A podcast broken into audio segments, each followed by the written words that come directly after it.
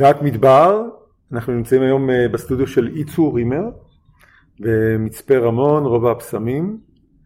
אה, שלום רותי. שלום דודו. שלום איצו. שלום וברכה. שלום איצו. איצו, אני שמחה להגיע לכאן ולהיות לא על תקן לומדת בקורס אה, ציור, אלא מראיינת, ורציתי באמת לשמוע עליך, קצת קורות חיים, ובעיקר מה אתה עושה כאן במצפה רמון? אני קשיש, אני יליד 48, בוגר בצלאל, וגם למדתי לתואר שני בפילוסופיה באוניברסיטת תל אביב. מיום שגמרתי את בצלאל אני אומן מקצועי, זה מה שאני עושה, מזה אני מתפרנס, וזה העיסוק שלי. בתחילת שנות ה-80, נגיד מ-83 בערך, הייתי איכשהו קשור לנגב ולמדבר, לפני זה הסתובבתי הרבה בסיני בכל מיני הקשרים ומ-83 אה, התחלתי להסתובב פה בהר הנגב, להסתובב זה פשוטו כמשמעו. הייתי מגיע מאוטו, שם אותו בנקודה מסוימת והולך לשיטוט של לפעמים יום, לפעמים יומיים ולפעמים גם יותר בשטח. מכל מיני סיבות, חלקן אישיות, חלקן זה. בערך באותה תקופה האומנות שלי עברה איזושהי מטמורפוזה והתחלתי לעסוק בנושאים שקראתי להם מיתוסים ואתוסים של ארץ ישראל, שהדגש הוא על ארץ ישראל, והתעסקו בעיקר כל מיני אספקטים של ארכיאולוגיה ותרבויות קדומות. למשל הציור הזה, זה ציור של מזבח מהתקופה הישראלית, מתל באר שבע, שנעשה בשנת 80. זה היה סדרה גדולה של ציורים, היו שם ציור אחד של אוהלים, אוהלים של בדואים, והיו ציורים של, אה, ציור אחד של מזבח מתל ערד, יש שם מזבחות קטורת כאלה, שניים. התחלתי, אני מרשה לעצמי להשתמש במילה חקירה של האתוסים והמיתוסים, והכוונה האמנותית שלי זה לתהות, נגיד ככה, בלשון מעודנת, על ה... ישראליות, ישראליאנה. מה זה ישראליות? מה היא אומרת? מה חשוב בה? מה היא מטפחת? אני מהדור שלימדו אותו להקריב את עצמו למען המולדת. ב-82 הוצב סימן שאלה מאוד גדול על האתוס הזה. זהו, אז התחלתי לחקור אותו. ועיקר העניין שלי בנגב זה מפני שפה הדברים יותר חשופים, יותר בגלל המינימליזם שלהם, זה גם דיבר אליי גם מבחינה אמנותית. אמנות כמו שאת רואה היא קרובה להיות מינימליסטית הייתה אז, ואז זה שזה חשוף, זה שזה מינימליסטי, חשוף זאת אומרת זה נמצא על פני השטח, בדרך כלל תרבויות מדבריות לא בנו מבנים מונומנטליים, זה שכבה או שתיים, אם יש שלוש זה כבר מבנה ענק. אז במובן הזה זה חשוף, לא במובן שהסודות שם גלויים לעין. וגם עניינו אותי התרבויות שחיו פה, כי בשבילי הם סוג של אנססטוס, האבות אבותינו. זאת אומרת, אני חושב שהישראלים במובן מסוים חלק מזה, אוקיי? זה על איזשהו רצף שמתחיל כמו בסיפורי התורה, בכנעני ובחיבי ובפריזי וכולי וכולי, ובעצם אלה שחיו פה זה היו הם. זה המוטיבציה. כשאתה מדבר על מיתוסים ואתוסים, אתה יכול לפרט, להסביר מה, למה הכוונה, מה ראית? אז בתקופה הזאת זה היה בין 80 ל-86 בערך, אולי קצת יותר. אז, אז הפריסה באומנות שלי הייתה מאוד רחבה. למשל הציור הזה, אתה רואה שם? זה פילבוקס שהיה מעל הקיבוץ שבו נולדתי, קיבוץ מענית. וזה סמל מאוד מאוד חזק להיאחזות במרכאות של הישראלים החדשים באדמה שלהם. תמיד זה היה חומה ומגדל והגנה על, על עצמנו מפני האויבים האכזריים הייתה הדבר העיקרי, אז אלה המיתוסים שגדלתי עליהם, וכמובן החיבור לא בדיוק הדתי אבל דרך התנ"ך לאדמה הוא גם כן חלק מהמיתוסים והאתוסים. זה היה פלח אחד. פלח אחר היה עיסוק במקומות קדושים. מגדל דוד, קבר רחל, שהם בעצם, המקום עצמו אין לו כל כך הרבה משמעות מלבד המטען הסימבולי הכבד שלו. אה, התעסקתי בקברי שייח למשל, שמפוזרים בכל מקומות בארץ. אני יודע מה, אותות מלחמה, ש... שאנחנו מקבלים, כן? לאבי היו איזה ארבעה ולי איזה ארבעה גם כן, אז גם זה הופיע בציורים. זה, זה דוגמאות של אתוסים ומיתוסים, או דברים, אלמנטים נגיד, מוטיבים שעליהם נבנים האתוסים והמיתוסים של התרבות הישראלית. זהו, בשלב מסוים, בסוף שנות ה-80 מתישהו, התמקדתי. אני בתור ילד גדלתי בבאר שבע מגיל 7-8 ואיפה שהיום מוזיאון הנגב המפואר היה מוזיאון לארכיאולוגיה במסגד והיו שם צלמיות מאוד מאוד מיוחדות, קוראים לזה תרבות באר שבע, הארכיאולוג שגילה אותם, צרפתי שאני לא זוכר את שמו, קרא להם הפינוקיו מבאר שבע, לכל הצלמיות האלה. צריכה להבין שבמשך ההתעסקות שלי בדברים האלה זה לא לראות ולעלות על הבד, אלא זה גם היה כרוך בהרבה חקירה, לימוד. הגעתי בעיקר דרך מחקר על התרבויות הקדומות לנושאים של, אה, של הפולחן ואלמנטים, לפחות ממצאים שאפשר לראות אותם ולמשש אותם, שהם לא רק איזה שהם טקסטים עלומים אה, לגבי פולחן, זה הממצאים האלה, כל מיני צלמיות, פסלונים, ואז התחלתי להתמקד בצלמיות האלה, והן בעצם מלוות אותי עד היום. הצלמיות שבהתחלה בציורים הם היו די דומים לצלמיות במציאות, כמובן עם האינטרפטציה שלי וכולי. אז בתהליך מאוד ממושך זה נעשה יותר מינימליסטי ויותר מופשט, עד שזה הגיע להפשטה גמורה. ואז בשנת 2012 באתי למצפה רמון, הכרתי ציורי סלע מהשיטוטים שלי, אבל כשבאתי לפה והשתקעתי בסטודיו וזה, אז התברר לי שהציורי סלע יש בהם הרבה מאוד אלמנטים שמזכירים את הצלמיות מהאלף השלישי לפני הספירה, מהאלף הרביעי לפני הספירה.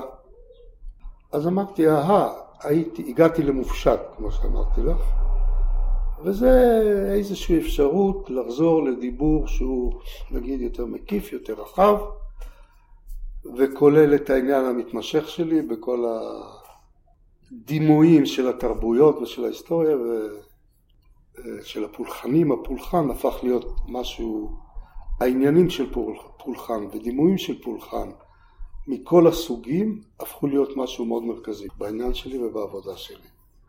וזה מה שאני מתעסק בו מאז. איך גם מגורים במדבר וגם השוטטות, הצד הוויזואלי של מה עיניך רואות וגם הצד הנפשי, פיזי, של לגור במקום שהוא, יש לו גם אה, מזג אוויר מסוים וגם אה, תאורה מסוימת משפיעה על העבודה שלך, או נותנת השראה לעבודה. המדבר בשבילי זה עסקת חבילה. רוב השרידים הארכיאולוגיים שיש במדבר הם אלמנטים מאוד נמוכים ומינימליסטיים וזה קשור לאקלים וזה קשור לנוף וזה קשור לאורח החיים של האנשים שהקימו את המבנים האלה. אז הכל ביחד זה עסקת חבילה. זה, אני לא יכול לדבר בנפרד על המזג אוויר, חוץ מזה שהייתי מאושר לבוא הנה אחרי המזג אוויר הנורא של תל אביב, שגרתי בה בגלות כמעט 40 שנה, אז המזג האוויר פה נפלא, אני נהנה ממנו כל רגע. התאורה של המדבר היא לא משהו מיוחד. כל התאורה בארץ ישראל היא תאורה חריפה. השמש בארץ חזקה, אה, לא מרחמת, והאור בארץ חריף, הורג את כל הצבעים, את כל הצבעוניות, אה, בגלל הניגודים שהוא יוצר. והתאורה בנגב לא יותר אה, לא יותר גרוע מאשר בירושלים או ב... אני יודע מה, במענית בקיבוץ שבו גדלתי. הנוף זה משהו שאני לא הפסיכי היחיד בעניין הזה, אבל יש, זה צריך להיות פסיכי מיוחד בשביל להגיד, הא, זה הנוף שאני אוהב. כשהיום זה מפריע לי, אבל, אבל במשך השנים, כשהייתי, נגיד, עובר את אה, צומת הנגב, הייתי מתחיל לנשום. המדבר נפתח, אבל זה לא כל אחד אה, מרגיש. זה צריך איזשהו, ואני לא יודע מאיפה זה בא. וזה סוג של פסיכוזה, לאהוב את המדבר. מה, זה מאוד פואטי, זה מאוד עוצמתי. יש המון מילים כאלה יפות שאפשר להגיד, מה יש במדבר, המיסטיקה, לא, יש כאלה שאומרים, לא לחינם כל הדתות הגדולות, השלוש, נולדו במדבר, בסדר, זה הכל סוגים של פסיכוזה, שום דבר מעבר לזה. אני מכיר אנשים שלא סובלים את המדבר, הם רוצים רק ירוק בעיניים, לא שירוק לא משעשע את החך, משעשע, אבל בסדר, זה כמו שעשוע לחך. כשהגעת לכאן, לא הכירו אותך, הגעת לכאן, אה, מצאת את הסטודיו כמו שאתה אומר, ואמרת שתגיד משהו לגבי הבחירה שלך במצפה רמון? לא, תשמעי, אם הייתי בא הנה צעיר ב-20 שנה, אז הייתי גר כמו צור שזף באיזשהו ואדי, בונה לי חושה, תופס איזה שתיים שלוש טרסות, מגדל שם משהו, זה היה החלום שלי. אבל כבר הייתי קשיש וקצת חולה, ונוחיות וזה, אז אני גר במצפה. מצפה בשבילי היא נגיד באיזשהו אופן סימבולי הר הנגב, למרות שהיא לא ממש, אז לכן אני גר במצפה. אתה גר מאוד מאוד קרוב לפארק הפסלים. כן. אולי תספר לנו מילה על כל הרעיון הזה. הפארק יש לו שתי פאזות, פאזה אחת מ-62, פאזה אחת מ-86. ב-62 היה אומן ישראלי בשם קוסו אלול. הייתה יוזמה זה היה חלק מאיזה הלך רוח עולמי. אה, הוא יזם את זה, הקים את הפאזה הראשונה של הפארק. המחשבה אז מאחורי הפארק הייתה בעצם שלושה דברים. אחד, לעשות פה אירוע ברוח האירועים שאז התחילו להתרחש בעולם, בשביל שגם האומנות הישראלית תהיה על המפה. זאת אומרת, להנגיש אומנות ישראלית ואומנים ישראלים למודעות העולמית. מי, בין היוזמים, לא האומנים, אבל מי שעמד מאחוריהם, אה, הייתה מחשבה שזה יביא הנה תיירות, זה הדבר השני. מי שבעצם היה מאחורי הפרויקט, חוץ מקוסו אלול, היה אבא אלחנני, ארכיטקט, שהיה אז ראש המדור לאומנות ותרבות, אני לא זוכר בדיוק איך קוראים לזה. איש רציני הוא היה, אבא אלחנני. והוא חשב שזה יעשיר את האומנות הישראלית גם במובן הסימבולי. בחרו במצפה רמון בגלל העוצמה של הנוף, עוד קדומים וזה, נתנו לזה שם כזה יפה, קראו לזה יגר סעדותה. יעקב ולבן נפגשו והיה ביניהם איזשהו עימות ו... ואז הם הקימו גלעד לסמל את האחווה ביניהם. יעקב קרא לזה גלעד, לבן קרא לזה בארמית יגר סעדותה ואז קראו לפרויקט הזה יגר סעדותה, שזה גם כן היה אקט מאוד סימבולי. אז בקיצור, באו האמנים, עבדו פה, אם אני זוכר נכון, כמעט שלושה חודשים, אני לא בטוח לגבי ה... יש כל מיני זה. יש לי חבר טוב טוב מהצבא, שהוא היה אז ילד במצפה, והוא מספר שכל יום אחרי בית ספר הם היו באים לעזור לאומנים. כל הילדים של מצפה, אולי 30 ילד, משהו כזה היו אז. אז זה היה אירוע כזה שמח. זהו, גמרו, הלכו, והפארק נשאר כמו שהוא. האבנים תקועות במקומות שהן תקועות, ובמשך השנים זה נהפך למשהו איום ונורא. פח אשפה, זרקו שם אשפה.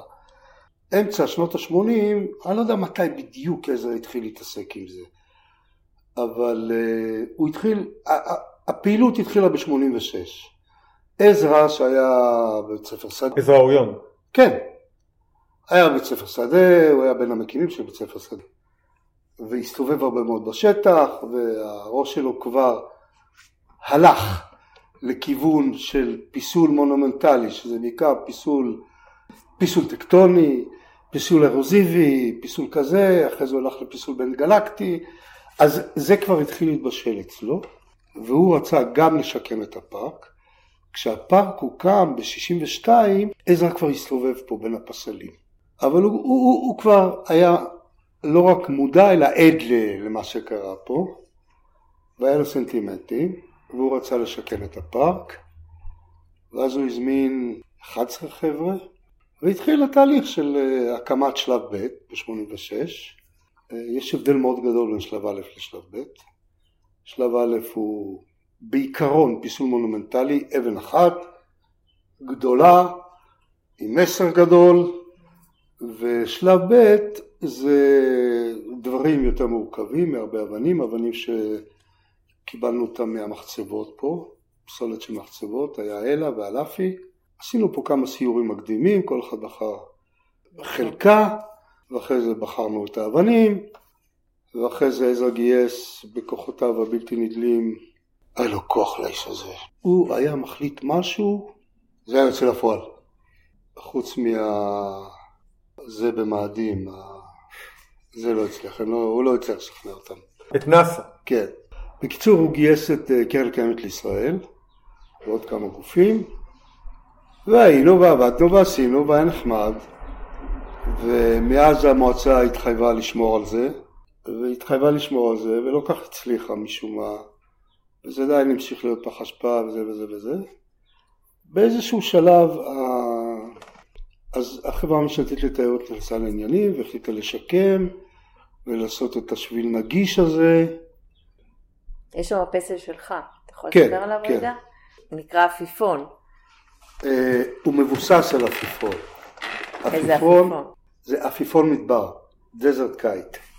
זה מושג שמתייחס באמצע שנות ה-20, 23, 24, יש אומרים 27, אני לא יודע בדיוק.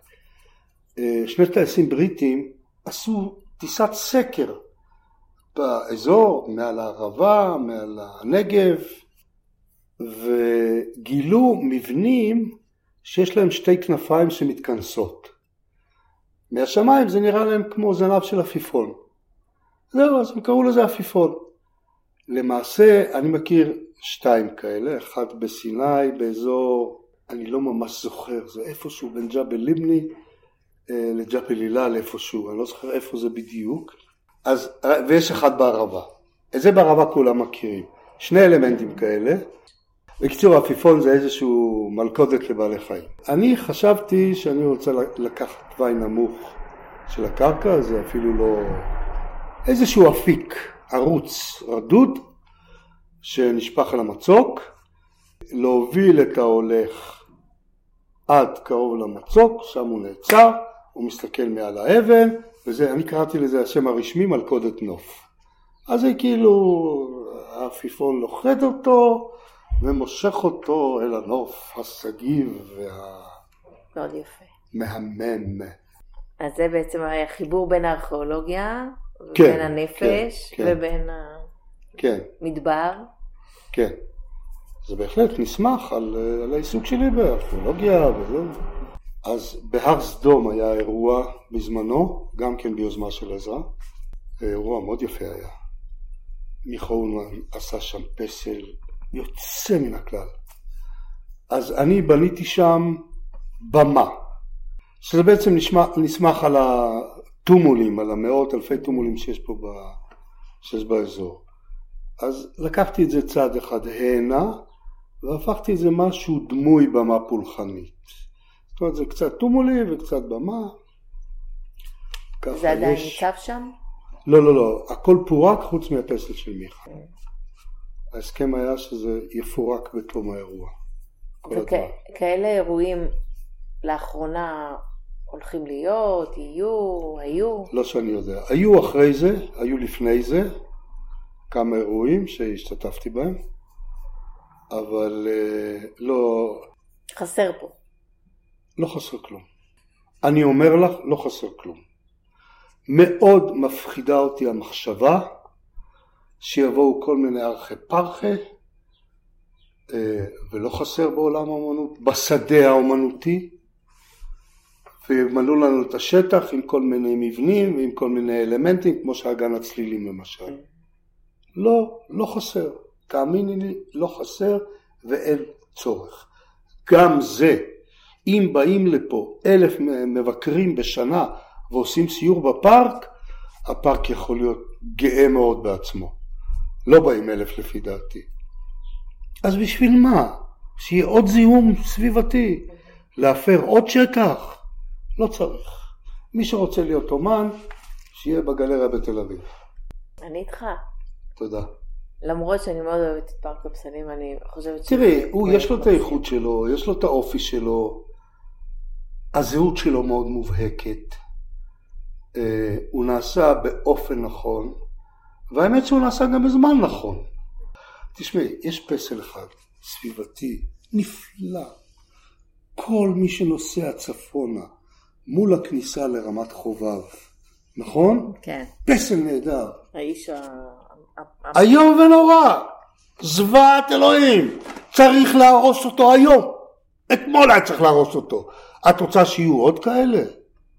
פסל מחאה יש שם. הדמות הזאת שהיא שבורה באף. הזין הזה, זה ש- שבורה באף? כן, זה התפרק שם משהו. לא, אתה יודע, זה פסל מחאה. אני, הסיפור מה, הוא ש- מה, מה, מה המילה הזאת מחאה בקשר לפסל? רותי, אני...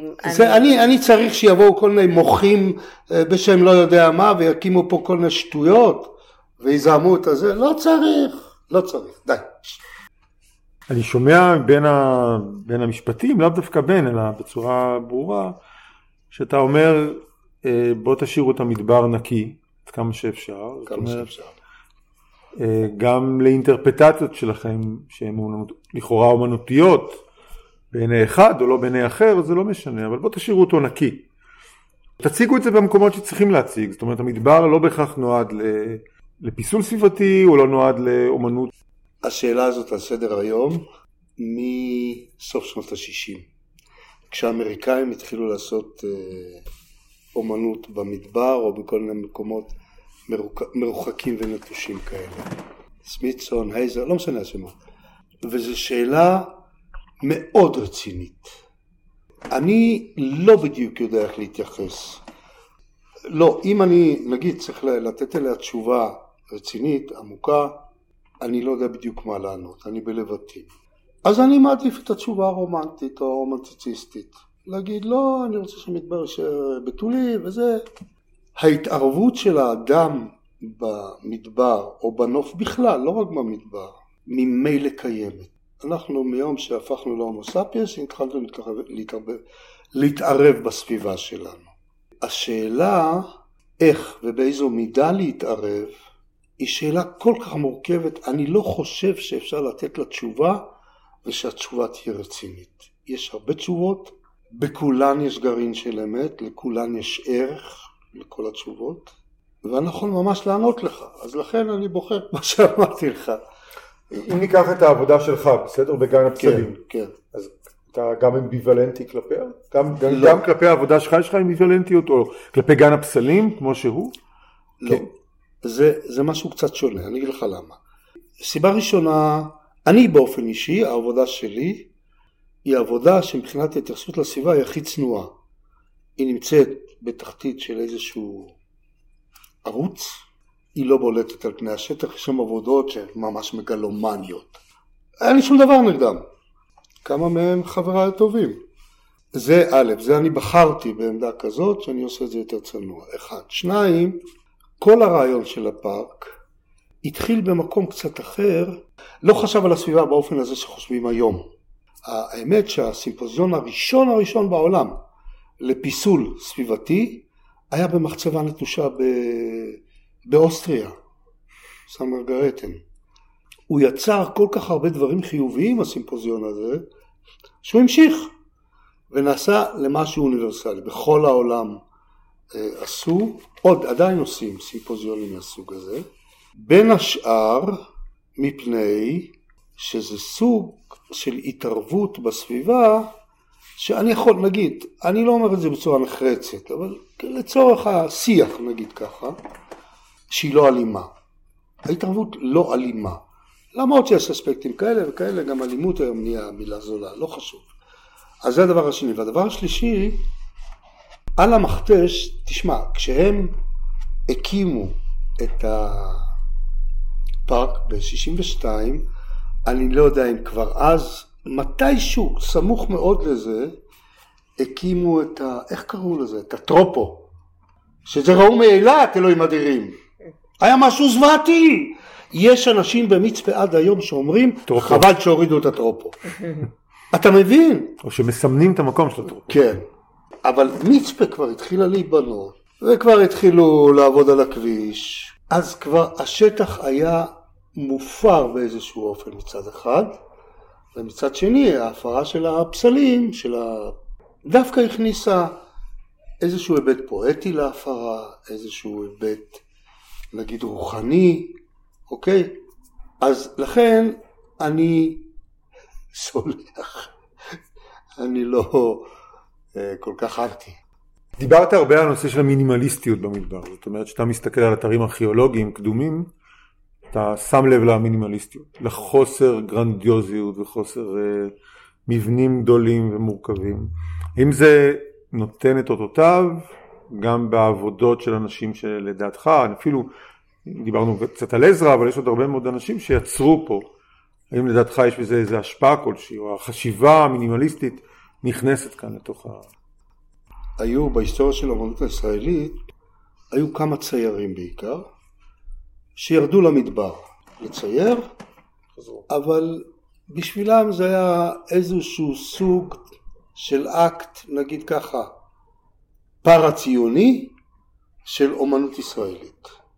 משהו כזה, אפשר להעריך בדיבור על זה, אבל, ובעצם אני לא ממש מכיר אומנים, גם בעבודה שלי האמת, המדבר הוא לא הגיבור המרכזי, לא המדבר כמדבר, אלא אה, אלמנטים, שרידים של תרבויות, אלמנטים כאלה, אלמנטים אחרים.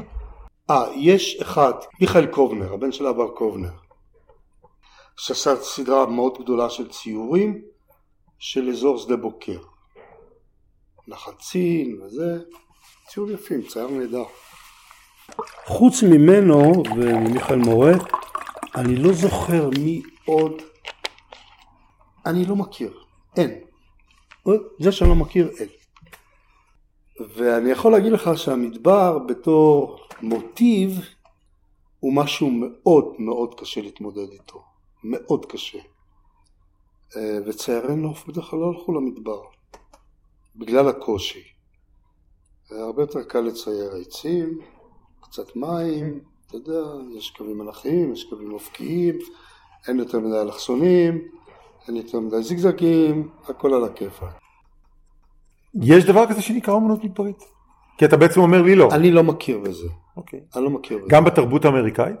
זאת אומרת שאנחנו מסתכלים על לא, הצלמים, דווקא על הצלמים האמריקאים, אינסל אדמס למשל, כדוגמה, כן, אבל יש עוד אוקיי. הרבה, כן, לא רק הוא. זה שעשה את היילוסטון. תראה, אלה שעשו את המייקל הייזר ורוברט סמיתסון, הם לא עשו אומנות מגדרית, הם עשו אומנית, אומנות סביבתית.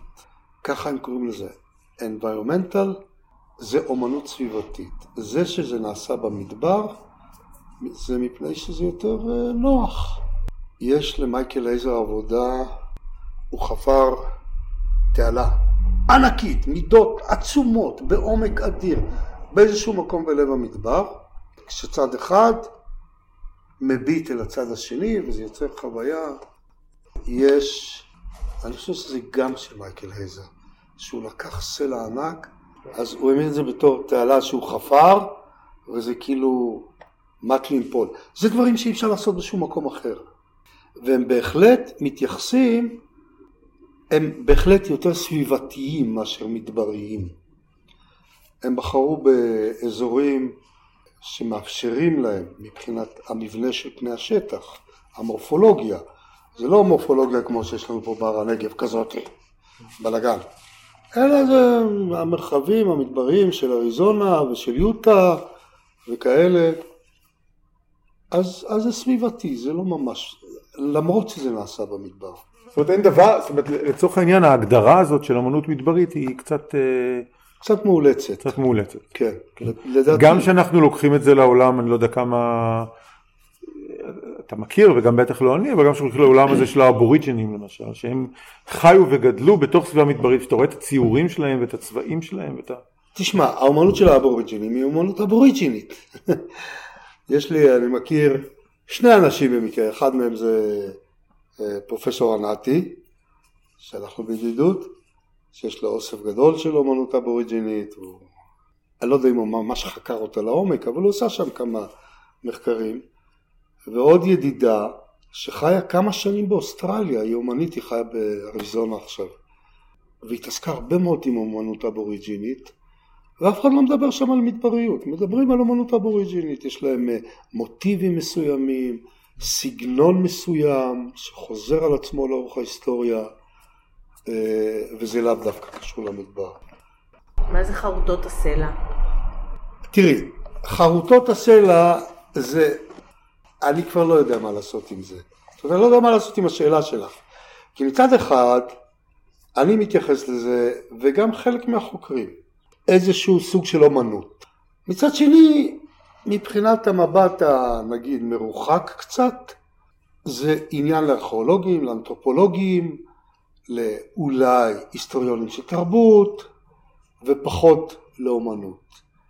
למרות שיש שם היבטים אומנותיים, אי אפשר להתכחש לזה. כי אומנות זה חלק מהחיים, וכשאתה מתאר חיים, אז, אז אם זה משמש לתקשורת, עדיין זה אומנות.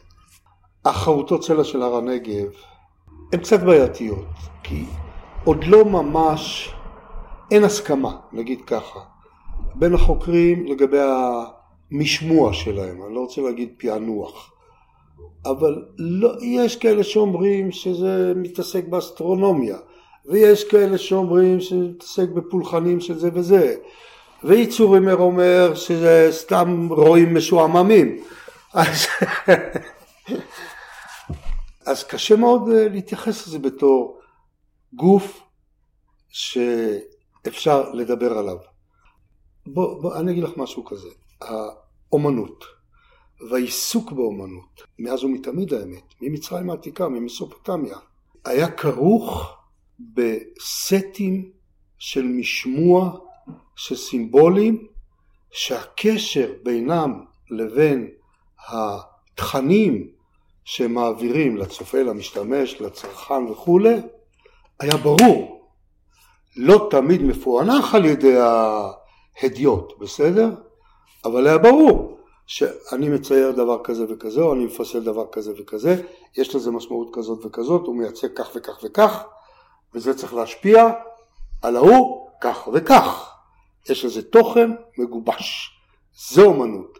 לפעמים זה יותר פואטי, לפעמים זה פחות פואטי, תגידי מה שאת רוצה על זה. או יותר יפה, או פחות יפה. או... לגבי האומנות של הר הנגב, זה בכלל לגבי ציורי סלע, אני חושב. זה לא עבר את הסף הזה. זה עדיין נשאר באמת ברמה של סוג מסוים של תקשור. או סוג מסוים של קתרזיס. אני, צר לי, אף אחד הם שונאים אותי כשאני אומר את זה, אבל אני מחזיק בדעה הזאת. צריכים לראות איפה הדברים האלה נמצאים, ולראות מה היה מסביב, ולהסתכל על השטח. טוב, איצו, היינו ממשיכים עוד לדבר, אבל הזמן שלנו נגמר. אז רצינו לסיים פה, תודה רבה על השיחה, היה מאוד מעניין. תודה רבה. אה, להזכיר לכם כל הפודקאסטים שלנו נמצאים באתר מדבר.org, נשמח שתמשיכו לעקוב אחריהם.